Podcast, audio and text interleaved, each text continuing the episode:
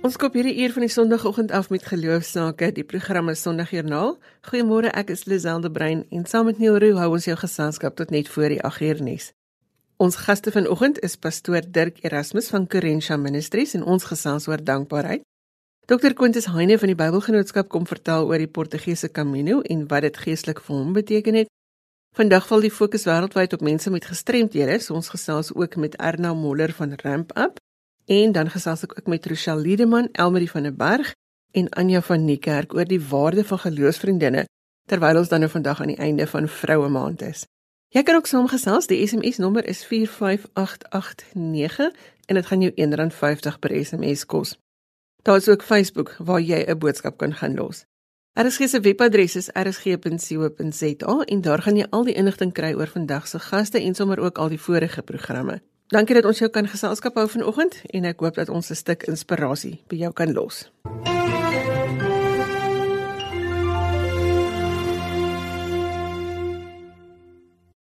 Pastor Kobus Erasmus is van Corentia Ministries in Weerda Park, Pretoria en ons gesels vanoggend oor dankbaarheid. Goeiemôre Kobus. Goeiemôre Lisa. Kobus, jy het onlangs 'n uh, pistool in die kop gehad. Skets vir ons so kortliks die omstandighede vir konteks. Ja, dit was vir ons voorware rooi letterdag 26ste Julie het aan die heel einde van ons diens net die laaste koortjie wat ons gesing het ons groet elke sonderdag met die koortjie when I pray I will pray for you en letterlik in die laaste sinsnede net voor ek die seën uitspreek het daar drie gewapende manne in ons kerk ingestorm. Nou met kameras na die tyd kom ons agter hulle het 2 minute gewag vir ons by die ingangsportaal maar in die kerk self en waar daar nou skote geskiet is, was 49 sekondes. So om nou vir jou 'n lang storie te vertel is eintlik moontlik, maar ook eintlik onregverdig ten opsigte van die oomblik wat daar gebeur het. Hulle het reguit na my toe gekom, die een persoon het die revolver teen my kop gedruk.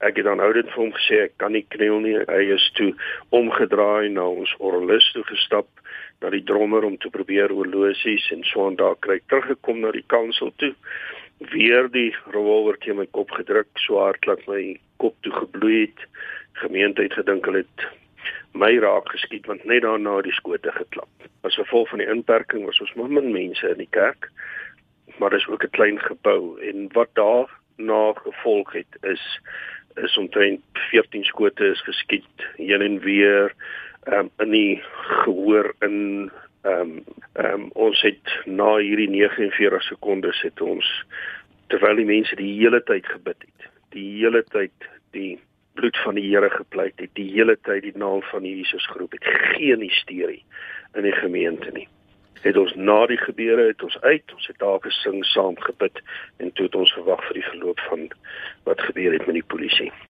Jy sê nou dis 49 sekondes maar wat gebeur in jou kop op daai oomblik? Weet jy, ek dank die Here dat in daai oomblik het ek besef want jy moet onthou ek staan voor my kansel eerstens. So my vrou staan omtrent 'n meter van my af. My dogter staan basies 1 en 'n half meter van my af. Die gemeente is reg voor my. En ek moet vandag vir jou sê, daai 49 sekondes het jy nie lang uitgerekte gedagtes van enigiets nie. Ek het net geweet soos ek geweet het dat die Here ons hier moet help dat die Here ons moet bystaan. Jy jy sien die revolver, jy voel hom teen jou kop. Ek het probeer redeneer met die man toe hy nou omdraai en weghardloop het ek gebid. Ehm um, ek het in tale gepraat, ek het die bloed van die Here gepleit, hy het weer teruggekom.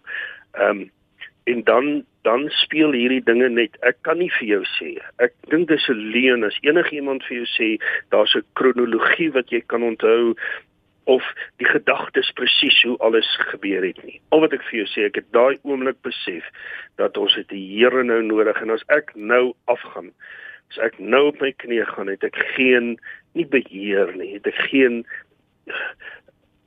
insaag en insette wat die volgende paar oomblik gaan gebeur nie. So daar is nie daar is nie 'n gedagte nie. Sel ek ek ek is ek dink meeste van die mense wat dit vir jou sê, die die trauma is in elk geval so groot, maar ek het net op daai oomblik geweet dat nou het ons God nodig en die Here gaan ons help en die gedruis wat in die gemeente ontstaan het onmiddellik soos hulle gebid het En uh, toe hy wegstap van my af en ek besef nou het ek dit gebid en ek het die Here se naam gepleit. Ehm um, nou ja, dit en daarna is dit nou geskiedenis. Kobus, dis die storie, maar waarvoor is jy nou dankbaar? As jy nou terugkyk. Weet jy, dit is so dat die Here daai môre met ons praat deur die woord onder andere is deel van Dawid se lewe in kronieke nadat hy 'n koning geword het en eintlik droog gemaak het deur die ark te gaan haal met nuwe waans en Issa sterf toe hy nou sy hand uitsteek na die ark en Dawid besef hy het 'n fout gemaak hy moes nooit nuwe waans gemaak het nie hy moes die priesters gekry het om die, om om om die ark te dra en dan hierdie hele verhaal dan gaan veg en weer Filistyne en nou kom hy terug en dan bring hy die ark en dan sê hy die volgende woorde.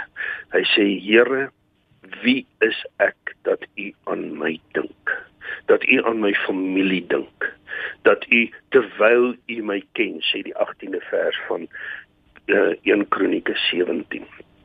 En dis my dankbaarheid. Jy weet ek mense sê maklik dankie vir iemand wat jou komplimenteer of dankie vir dit wat jy vir hulle gedoen het. Baie dankie vir dit wat jy vir hulle gee of jy sê dankie vir ja jou salaris en so maar daar's 'n dankbaarheid wat jy nie verdien het nie. En dit wil ek uitdrukking gee net aan die lof van die Here. En en as ek sien die laaste 3 dienste van ons gemeente het ons nie een keer gepreek nie. Almal staan net op, kom vorentoe en sing 'n loflied die Here getuienis. Vertel net wat die Here gedoen het. Ons is so bloeddruppeltjie.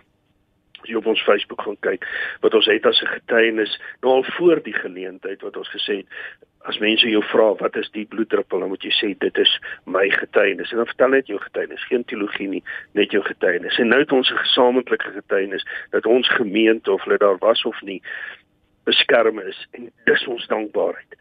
Dis ons lof. En dankbaarheid het vir my nou 'n nuwe betekenis aan die absolute lof van die Here, want ek het dit nie verdien nie. Dit wat daar gebeur het, as jy nou na betragting doen, het ons nou gekyk het waar al die patrone heen is, hoe hulle deur die gehoor geskiet het. Ag alles, dis dis soos jy sê die storie. Dan dan dan het ons nie woorde nie. Dan is daar nie iets waarvoor ek kan dankie sê behalwe om uit te roep teenoor God en te sê Here, wie is ek? En Dawid sê dit eintlik mooi. Hy sê, "Wat kan Dawid ooit daarby voeg?" Hy praat met homself in sy eie eerste persoon. En dis wat ek wil sê, wat kan ek byvoeg in die in in dit wat God vir ons gedoen het? En nou is dit soos altyd in my lewe nog meer as ek in 'n stort inklim, is daar 'n dankbare te lof teenoor die Here. As ek as ek in 'n voertuig kan ry, as ek kos kan eet, as ek in 'n gemeente kan wees, as ek 'n broer het, as ek 'n suster het om net te sê, my God, ek ek dis dis vir my ver bo wat ek kan verstaan, want ek het hierin niks gedoen nie. 49 sekondes het het ons gemeente se lewe verander. Is natuurlik wat met die kruis ook gebeur het. En dit het 'n nuwe dankbaarheid, een dag, een oomblik het ons lewe verander en nie een van ons het dit verdien nie. Nie een van ons het dit verdien nie. God se genade en dankbaarheid. As ek dit kan saamsit, ja, daar's daar's maar ek het in die HAT gaan kyk om nou te kyk om vir iets moois te sê, maar ek wil net sê, vir my lê dankbaarheid daarin gepersonifiseer in 'n loflied teenoor God omdat ek dit nie verdien het nie. My dankbaarheid gee uitdrukking in 'n loflied teenoor die Here om te sê wie is ek dat u by my stil staan en my nageslag en wat kan ek daarby voeg niks niks kan ek daarby voeg nie Kobus, ek gaan op 'n latere stadium met jou wil gesels oor vergifnis. So gesels pastoor Kobus Erasmus van Corentia Ministries in Weerda Park en hy het met ons gesels oor dankbaarheid wat kom uit 'n situasie waarin jy geen beheer het nie. Kobus, baie dankie vir die saamgesels vanoggend. Baie baie dankie. Seën en sterkte vir elkeen van julle. As jy se pas ingeskakel het, sê ons goeiemôre die programme Sondagjoernaal waar ons fokus op die inspirerende dinge as dit by geloof kom. As jy nou vanoggend 'n bruistablet nodig het om jou gemoed se effe op te kikker, dan wil ek aanbeveel dat jy vir dinge en vir mense begin dankie sê. As ek en jy dit kan regkry om met dankbaarheid te leef, dan verander die dinge om ons. So dalk wil jy nou vir 'n oomblik los waarmee jy besig is en sê dankie vir die eerste ding wat in jou kop opkom. As daar iemand naby jou is, sê dit sommer vir hulle. En as jy alleen is, sê dit sommer hardop of skryf dit neer. Beter nog, stuur vir my 'n SMS en sê vir my waarvoor jy dankbaar is. Die nommer is 45889 en dit gaan jou R1.50 kos.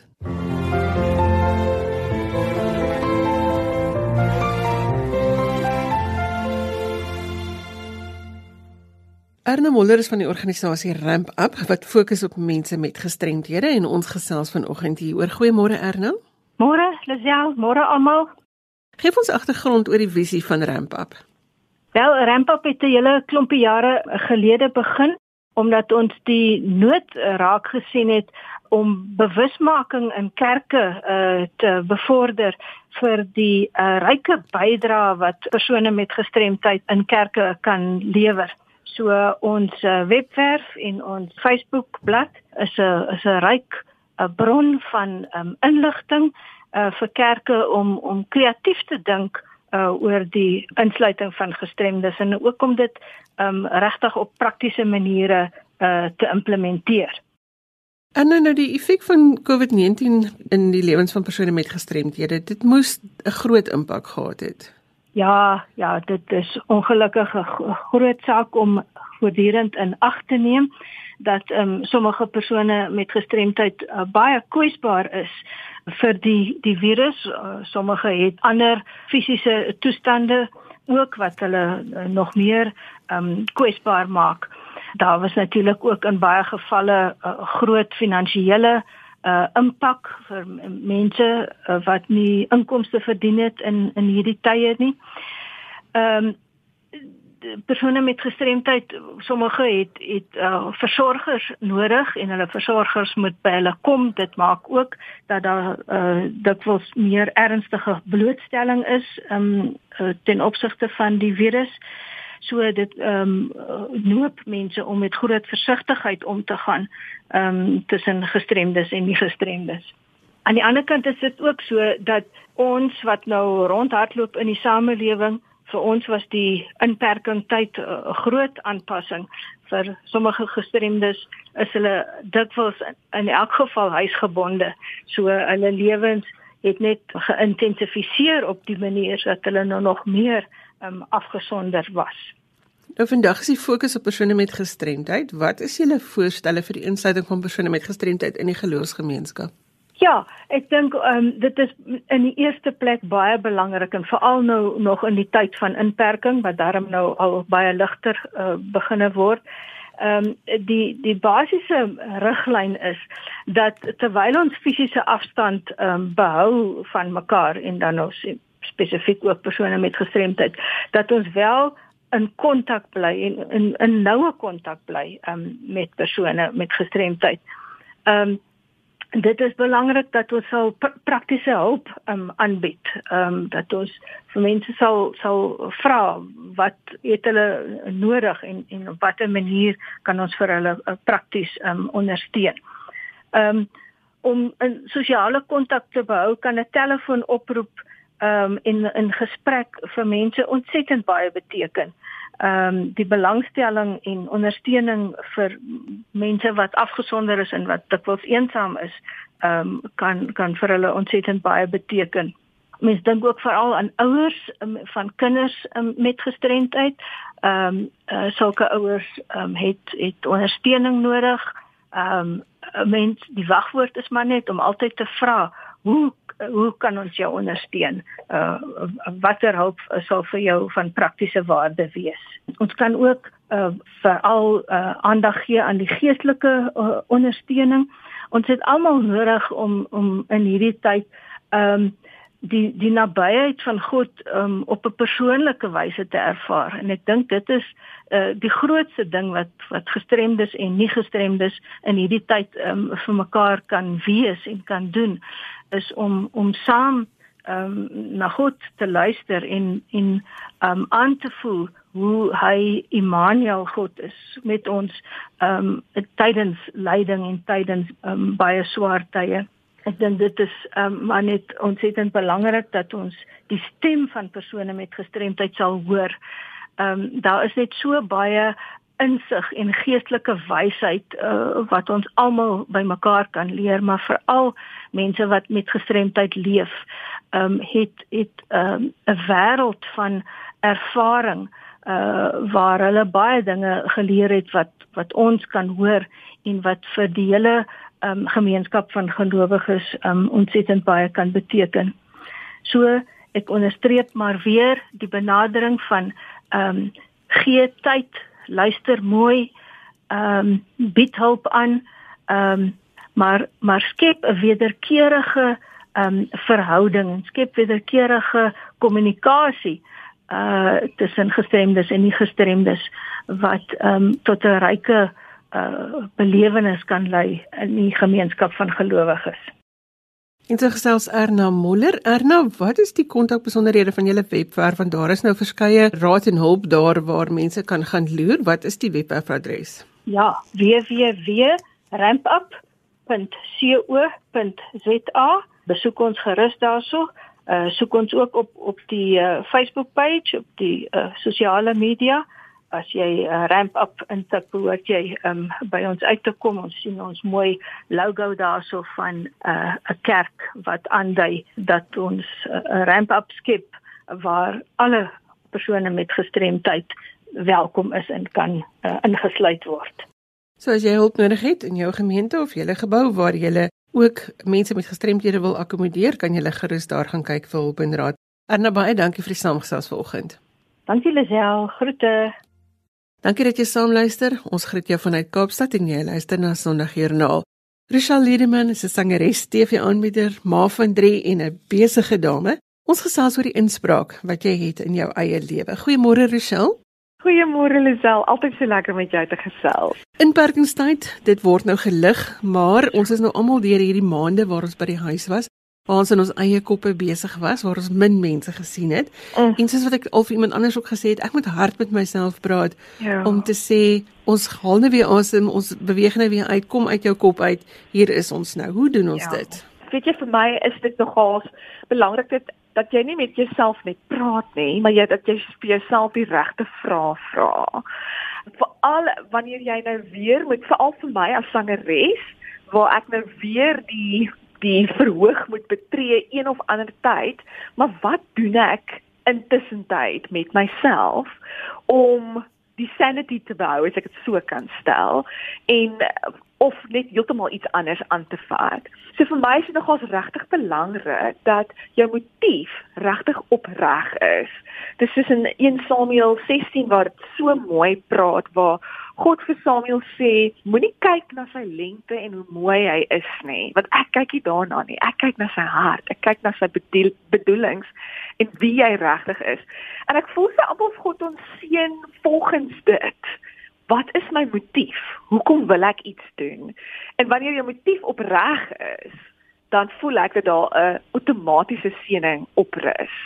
So daar's 'n paar paar vrae wat ek vir myself vra, soos in vrede ook. Het ek vrede oor iets nuuts wat ek wil aanpak in my lewe? En of is dit nou net een van daai dinge wat ek doen omdat everybody else is doing it so ja, miskien moet ek dit nou ook probeer. Ehm um, so daar's nogal 'n hele paar goed wat ek ehm um, ek voel 'n mens vir jouself moet afvra wanneer jy 'n nuwe risiko of wanneer jy iets nuuts wil aanpak in jou lewe. Maar dit is seker belangrik dat jy moet gaan sit en dat jy hierdie vrae moet neerskryf want hmm. baie mense moet nou 'n nuwe ding aanpak. Jy moet nou iets nuuts doen ja. want die oue is nou verby. Die kanse is nie meer daar nie. Ja. So sou jy aanbeveel dat mense nou prakties raak hieroor. Gaan sit en maak 'n lys. Hoe skryf ja. ek daai vrae neer en wat is die ander vrae? Ja. Lisa, jy het nou self 'n hele reeks van pragtige journals en ek dink dit is nogals belangrik om 'n tyd en 'n plek te kies waar daar nie baie mense rondom jou is nie. Waar jy met jou journal sit en die Here of, of hoe ook al jy dit wil doen en daai vraag gaan vra. Wat is dit wat ek nou kan doen? En ek dink dis nie dis nie altyd maklik om daai vraag te beantwoord wat moet ek nou doen nie. Maar vir my die outomatiese ding is dis wat het ek nou in my hand? Wat wat is dit wat ek nou kan gebruik? wat ek kan doen. Soos byvoorbeeld, weet jy wat het ek begine doen gedurende lockdown? Ek het vir my en 'n paar vriende begine beskuit bak omdat dit is iets wat ek lief is om te doen en dan kan ek so klein ekstra geldjie kry daarvoor. So dit is sulke klein praktiese goed. Dit hoef nie uitermatig te wees nie. Ek weet een van my vriendinne het in die COVID in in die lockdown in ehm um, fase 5 het sy beginne naals doen. Sy het beginne haar goeders regkry so wanneer ons na die volgende fase aanbeweeg dat sy hierdie besigheid toe begin het en haar besigheid floreer nou omdat sy letterlik gaan stil sit en gesê het vir haarself wat is daai ding wat ek veronderstel is om te doen. So die verskillende vrae wat jy vir jouself vra is wat is my motief? Hoekom wil ek dit doen? Gaan ek enigstens baat uit? En dan vir my die ander vraag wat vir my baie belangrik is is jou ondersteuningsnetwerk. Byvoorbeeld, soos in my geval is dit my man en my kinders. Ehm um, hoe voel hulle daaroor? Want as jy iets nuuts aanpak nou in jou lewe, moet jy die regte ondersteuningsnetwerk hê wat jou gaan support veral wanneer daai die pop op die fan het en jy moet ekstra hard werk en jy's miskien nie eens geïnspireerd op daai oomblik nie of dit raak net so overwhelming as ek die Engelse woord kan gebruik om daai nuwe ding aan te pak dat jy gaan man lief of die vriendin wat so nou en dan incheck wat vir jou sê luister dis al waar is jy nou en hoe ver het jy gevorder? So dit is nogals ook vir my belangrik. Rachel waarvoor is die dinge waarvoor jy dankbaar is nou? O oh, weet jy ek ek gaan ek gaan dit nou sê. Ek is ek is verskriklik dankbaar vir die COVID periode van lockdown want dit vir my gevoel of my lewe so vinnig kom. Ek was so besig vir so lank tyd dat ek bietjie grond verloor het met met my kinders. En in fase 5 kon ons nêrens gaan nie, was net ons as familie by die huis en dit het vir my gevoel of ons weer daai bond en familieband sterker kom maak het. En miskien is daar ander mense wat wat dink, wat as jy nou mal, kan jy so uitlating maak? Maar vir my is dit nou belangrik omdat ek 'n 17-jarige in die huis wat amper amper een van die dae gaan klaar maak met skool. Ehm um, en ek voel so dat daai tyd het het ek vir my baie tyd teruggegee met my as familie. Ehm um, so en en daai bande is nou baie sterker as wat dit was vroeër um, in die jaar of in verlede jaar. So ek is regtig dankbaar daarvoor. Dit is vir my so amper soos 'n sigh of relief. Dis belangrik dat vroue in geloof sien dit is nou nog 'n vroue maand is. Miskien ja. om die tafel sal gaan sit en tee drink. Net om vir mekaar te sê, ons is hier, ons is nou hier deur en so gaan ons mekaar nou vorentoe ondersteun. Dink jy dit is 'n ja. goeie plan? Absoluut. Ek dink dit is nou meer as ooit tevore het ons mekaar nodig. En ek is nogals baie passievol oor die feit dat dit ons mekaar moet vier. En al is ek en jy nie dieselfde nie dis juist die beauty en die mooi van ons twee wat verskillend is. Maar dat ek jou vier as vrou en wat jy bring na die tafel toe. Ek dink dit is ook belangrik dat vrouens nie hulle self vergelyk met mekaar nie, want dit is 'n ewelspel. Ek bedoel as God wou gehad het ek moes soos jy wees, dan sou hy vir my soos jy gemaak het, maar hy het nie. Hy het my heeltemal anders gemaak en daarom is dit belangrikheid dat ons individualiteit moet ehm um, vier en elke vrou se se greatness wat sy het na vore bring en dit te vier. Risal baie dankie dat ons ver oggend so 'n bietjie by jou kon inspraak kry van wat ons anders in ons lewe moet doen en dit waarvoor jy dankbaar is. Dankie vir dieself selfs vanoggend. Absoluut 'n plesier. Baie dankie vir julle. Ek het ook by geloofsvriendinne gaan inloer en hulle dink so oor die saak. Ek en my man het hierdie ongelooflike pad waar ons ontmoet het en hy het hierdie werk waar hy oor see werk, so hy's nooit by die huis nie en ek het dit aanvaar toe ons getrou het en so. Maar natuurlik het dit al moeiliker begin raak toe jy eers getroud is en natuurlik toe Maria kom. Ek het vir iemand net gesê ek sal altyd die oomblik onthou wat ek by my kamervenster uitgekyk en ek vir die Here gesê het hy kan helfte van die goed sny wat ek het en ek sal in 'n kleiner kar ry as my man net by die huis kan wees en dit was waar alles begin het en 4 maande daarna is my man geretrench. Wat 'n verskriklike ding was, dit was toe die oliepryse goed geval het en dit is waar ons pad hoe geloof ingetree het en dat ek weet die dinge het net ewe skielik radikaal begin verander en hy was 16 maande sonder werk gewees wat een van die ergste dinge in my lewe was maar ook die Here het dit gedoen in ons lewe om ons nader aan mekaar nommer 1 te bring want jy is nie naby mekaar as jou man by die huis is nie. En tweedens om ons net weer op die regte pad te bring. En ek dit is vir my so profound dat ek so graag met mense sal wil praat oor dat retrenchment hoef nie iets te wees wat hierdie vreesding te wees nie. Dit daar's 'n rede hoekom God dit op jou pad bring. En want daar's 'n ander deur wat gaan oopmaak. En uiteindelik het my man toe die werk gekry wat hy nou by die huis is. En so het ek die meisie wat na Maria kyk, sy het 'n groter rol in ons lewe begine speel. Haar maat vir my die miracles begine bewys wat prophets kan doen en dit het net radikaal my lewe verander en tot ek en my man gekom het op daai punt dat ons weet nou ook wat ons godly gifts is. En as jy weet wat is jou godly gift, dan kan jy jou purpose in lewe uitleef. Hoe dink jy oor dankbaarheid wat er ons dit in jou? Dankbaarheid is nommer 1 want ek meen dit is alles te danke aan God dat ons hier is wat ons is en ek dink is as gevolg van die swaar pad die seisoen wat ons gehad het dat nou in hierdie tyd van Covid voel dit net vir ek wil almekaar dankbaarheid ook betoon teenoor ander mense en gee want nou kan ons gee. Ons is nou in die seisoen waar ons kan gee. Ons het dit nodig nie. Toe ek met Elmarie connect en net die hele ding ja, dit was net baie spesiaal. Hoe wat geloof in my lewe speel is eintlik groter as wat ek gedink het. Ek het so half eintlik dink ek deur my lewe as vanselfsprekend aangeneem dat ek is gelowig. Ek het so groot geword. So dis ek so half eintlik 'n verantwoordelikheid. Jy het nou so groot geword, so dit is nou hoe jy is, maar tog daai saadjie van kleins af wat geplant is, het my deur my lewe baie keer laat terugkyk na 'n situasie en dan besef ek maar eintlik het ek absoluut geen ek het gedink ek's baie oulik, maar ek het eintlik absoluut geen rol daarin gehad. Dit was net omdat ek miskien in 'n mate gelowig was wat 'n ding ontvou het soos wat ek nie eers sou kon droom nie.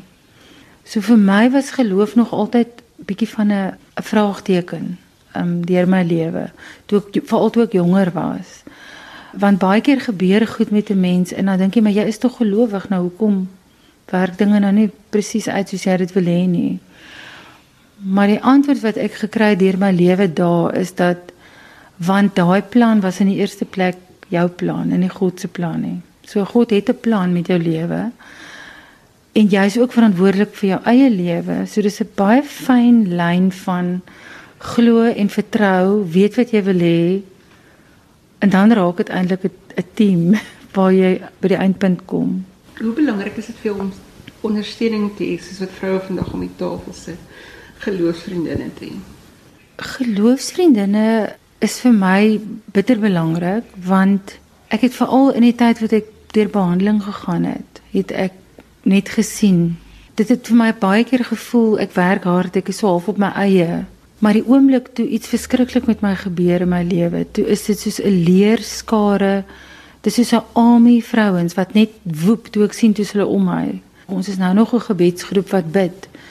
En dit het verander na 'n gebedsgroep vir Elmarina net 'n gebedsgroep want dan sal daar 'n WhatsApp deurkom van hierdie een se vriendin ehm um, het selfmoord gepleeg of iets verskriklik het gebeur met iemand. En dan sit net soos een man, dan sien jy net die biddende handjies opgaan en as ek vir julle moet sê wat dit vir my beteken het om vriendinne te hê wat ek weet dit dit het letterlik vir my soos 'n army gevoel wat om my staan. En as jy een of ander behandeling ontvang en jy is so swak fisies dat jy eintlik nie weet of jy okay gaan wees nie, dan raak hulle amper vir jou as jy sê jy wil amper vir hulle nie drop deur nou jou laaste asem uit te blaas nie want hulle bid dan nou vir jou. So jy's jy's jy's amper hulle hou jou so sterk. En as jy aan die ander kant uit is dan besef jy eintlik ek ek meen ek is nou nog verstom oor daai kraag. Waarvoor is jy dankbaar? Ek is net so dankbaar ek is nog hier en dat ek goed kan beleef en dat ek elke dag kan lewe en dat ek iets kan beteken. So ek is maar net baie baie dankbaar net vir die lewe self.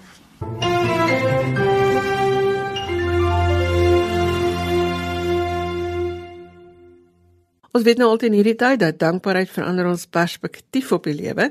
So ons nooi jou uit om vanoggend vir ons te laat weet waarvoor jy dankbaar is. Stuur 'n SMS na 45889 of gaan los 'n boodskap op ons Facebookblad.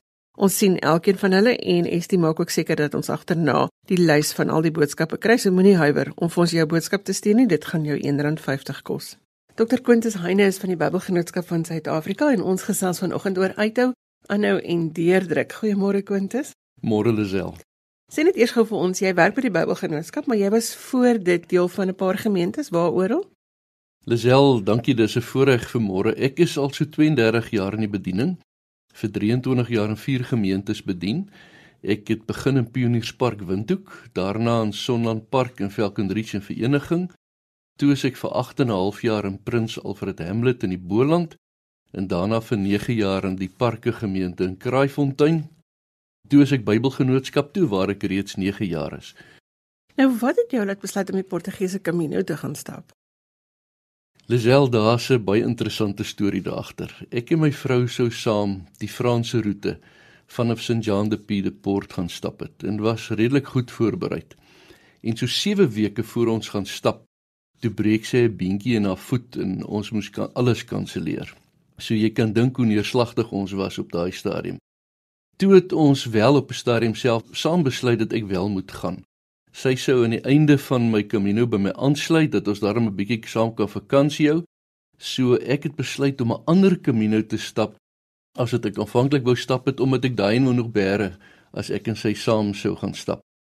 Ek het uh, met my rugsak vanaf Lissabon gestap, 'n afdraai by Fatima geneem en toe terug na roete aan die einde die spirituele ompad geneem en uh, wat so dag langer is. Dis altesaam so 720 km 'n gemiddeld van so 30 km per dag in 23 dae. Die interessante van die van die Portugese Camino is hy so half in twee gedeel. Die meer gewilde een is die laaste gedeelte van Porto tot by Santiago wat die meeste mense stap. Dit is 'n pragtige gedeelte, 'n mooi roete, maar die roete vanaf Lissabon tot by Porto is net so minder as 400 km, is minder gewild vanweë die terrein uh, nie minder mooi nie, maar die moeilikheidsgraad kan jou soms moedeloos maak. Dit is 'n ongemaklike terrein met baie klippaaie, opdraandes en soms heelwat teerpad en lang afstande tussen dorpe. Ek wil vir jou sê na die Grendelstad is dit vir my nog 'n uitdaging om 5 km te stap. Maar jy het nou hierdie allemintige 720 km in 4 weke gestap. Waar het jy jou motivering vandaan gekry vir elke dag? Ek was in 'n fase van my lewe dat ek 'n klomp besluite moes neem oor 'n nuwe seisoen wat in my lewe aangebreek het en daarvoor het ek tyd nodig gehad. So dit was die regte tyd in my lewe om 'n pelgrimstog te voltooi, 'n bietjie verder van die huis af as hier naby. Ek het van die begin af geweet dis 'n projek wat ek moet voltooi, maak nie saak wat nie. Ek het op 'n stadium in die roete met 'n spierbesering gesukkel, maar ek het daardeur gestap want jy weet oefening stel mos endorfien vry en die die liggaam se natuurlike pynverligter wat jou help om deur pyn te oefen. So 'n mens kom agter dat jou liggaam en jou gees dat jy dit verder kan druk as die grense wat jy soms daarvoor stel. Ek het uh, ook besef dat die spirituele en die fisiese groeiproses wat ek moes deurmaak, gaan harde werk verg. So dis uithou en aanhou en ek moes klaarmaak binne 'n korter tyd as ander mense want my vrou het gewag aan die einde van die roete dat ons 'n kort vakansie ook nog moes neem. So en as jy ver is dan weet jy niemand kan jou gaan haal nie. Jy moet klaarmaak al kry jy soms swaar. En jy wil nie jou vrou laat wag nie, nee. Beslis nie. Ek hoor almal sê dis 'n spirituele reis. Hoe het jy dit ervaar wat jou geloof aanbetref? Waar ek baie dinge in my gemoed gehad het wat ek moes deurdink was daar klomp verrassings vir my op die Camino. Somstyds anders as wat jy dink. Die een ding van die spiritualiteit is dat ek uitgedaag is om die evangelie op 'n vriendskapswyse informeel te deel sonder dat ek daarvoor voorberei was of daarvoor gevra is uh, of gedink het ek gaan dit doen. Ehm uh, want interessant is behalwe Portugees sprekende mense, Italianers en Koreane wat oor my pad gekom het, het ek min mense gekry wat werklik in Christus glo. So uh, mense het spirituele doelwitte gehad, maar nie noodwendige Christelike oriëntasie daarvoor nie. So sonder dit beplan het en sonder dat ek ooit iemand daarvoor wou konfronteer, ek het gekonfronteer het, het ek baie mense oor Christus en God kon praat en my geloofstorie kon vertel. Dit het begin met 'n baie interessante situasie. Een aand uh, sal so agt van ons het uh, in Tomar by 'n kafee uh, net uh, wat ons in dieselfde herberg gebly het, gesit en hamburgers eet en almal half onbekend vir mekaar. En so uit die bloute vra die een persoon dat ehm um, dat ons nog om die tafel moet vir hom sê wie glo nog in die belaglikheid van Christus en dat jy in 'n kerk kan behoort? Want hy dink jy daar's meer sulke mense nie. Hy weet nie of daar sulke mense te Camino stap nie. Ek ek was so bietjie verras en ek um, ek bly toe maar eers stil en sit daar eenkant en so aan die einde dog ek wel ek sal nou maar vir hulle moet vertel en ek vertel hulle kortliks wel ek glo in Jesus Christus en en kort my geloofstorie vertel wat die wonderlike was die volgende 10 dae het so sewe van hulle om die beurt iewers ongevraagd langs my kom stap en my gevra om oor Christus met hulle te praat. Dit was 'n baie interessante ervaring. Ek het in die 23 dae geweldig baie ander gesprekke oor Jesus en die doel van die lewe gevoer sonder dat ek daarvoor gevra het. Daar in die vreemde het ek geestelike gesprekke met mense gehad en soms land ek alleen saam met iemand in 'n herberg en dan begin jy gesprekke wat jou die heel nag deur deur besig hou wat wat wat jy weet baie sinvol is oor oor mense geloof en oor Jesus Christus. 'n ander spirituele ervaring wat ek gehad het was dit ek ook op hierdie pad weer geleer het dat 'n mens nie ander mense moet oordeel oor hulle keuses nie. Elke mens stap sy eie pad en elke mens is 'n pelgrim iewers heen op reis. Jy moet mense respekteer daarin. In die elke dag se 6 tot 8 ure wat ek gestap het, uh um het ek ook 'n geestelike ritme ontwikkel. Aanvanklik het ek gedink ek wil elke dag 'n nuwe teks vat en daarmee stap want een van die redes hoekom ek die Portugese Camino gestap het, veral die eerste deel, stap jy baie alleen. Daar was nie baie mense wat dit stap nie. Later het ek begin met een teks langer op 'n dag stil gestaan en dan was my ritme eintlik per dag iets soos die eerste uur loof ek die Here as ek stap en ek sien die skepping se God se grootheid en vir die volgende uur het ek net vir my gesin gebid. Absoluut elke dag vir my gesin gebid en vir al hulle behoeftes elke dag. En dan Die ure daarna het ek vir al my vriende en familie by die naam gebid en hulle almal se behoeftes gen opgenoem. So dit was 'n wonderlike spirituele ervaring om selfs vir die vreemde mense rondom my te bid. En daar was 'n geleentheid of twee wat wat ek dit vir hulle kon sê ook wat vir hulle nogal ook baie wonderlik was. Iewers op hierdie roete van jou reis moes daar seker darm iets gewees het waarvoor jy kon dankie sê. Wat is jou gedagtes rondom dankbaarheid? Weet jy, Lisel, ek het opnuut geleer dat 'n mens moet dankbaar wees want ons het eintlik so baie. Ons het so baie wat elkeen van ons. Ehm um, ons moet 'n baie meer eenvoudige lewe leef. Daarom was dit ook vir my belangrik om self my rugsak te dra want jy moet leer om jou lewensbagasie minder te maak. Hoe swaarder jou rugsak, hoe moeiliker stap jy. Dis mos in die lewe ook so. Hoe minder geestelike bagasie jy dra, ehm um, hoe makliker kom jy deur die lewe En hoe meer jy jou persoonlike bagasie dra, moeiliker maak jou lewe. Ons moet leer om met minder tevrede te wees en tevrede te wees wat jy het, nie altyd meer te begeer nie. Ook ons besittings, moet ons dankbaar wees wat ons het. Ek het met 'n soort tevredenheid in my gemoed teruggekom. Ek het ook met dankbaarheid besef dat jy elke dag die goeie in ander mense en die goeie in die omgewing moet raak sien. Elke dag moet jy oop oopmaak en mense rondom jou raak sien en hulle waardeer vir wie hulle is. Jy moet hulle nie probeer verander nie. Jy moet elkeen waardeer wat oor jou lewe kom want jy het ander mense wat anders as jy is en anders dink as jy het jy regtig nodig. Daarom moet 'n mens nie regter speel oor ander mense nie. Jy moet hulle waardeer al dink hulle anders as jy. Die ander ding is dat jy word dankbaar as jy jou oë oopmaak en rondom jou kyk. Jy stap tree vir tree en jy moet leer om elke oomblik te waardeer en raak te sien om vir elke ding wat jy sien, elke dier wat jy verbystap, elke plek moet jy leer om alles te waardeer wat God vir jou gegee het. Ons is byvoorbeeld nou baie dankbaar dat jy 720 km gestap het sodat ons die les kan leer van jy moet ligter deur die lewe gaan, jy moet jou bagasie afgooi sodat jy ligter kan dra. So gesels Dr. Quintus Heine van die Bybelgenootskap Quintus baie dankie dat jy jou storie met ons gedeel het. Dankie Lisel. Ons moet groet. Ek sê dankie aan my gaste, pastoor Dirk Erasmus, Dr. Quintus Heine, Erna Moller, Rochelle Liedeman, Elmarie van der Berg en Anja van Niekerk. Jy kry sonder joernaal op RSG se webwerf en die adres daar is rsg.co.za. My e-posadres is lazel@wwmedia.co.za. Jy is welkom om vir my jou kommentaar te stuur op die program of as jy vir ons 'n dankbaarheid of 'n geloofstorie wil stuur.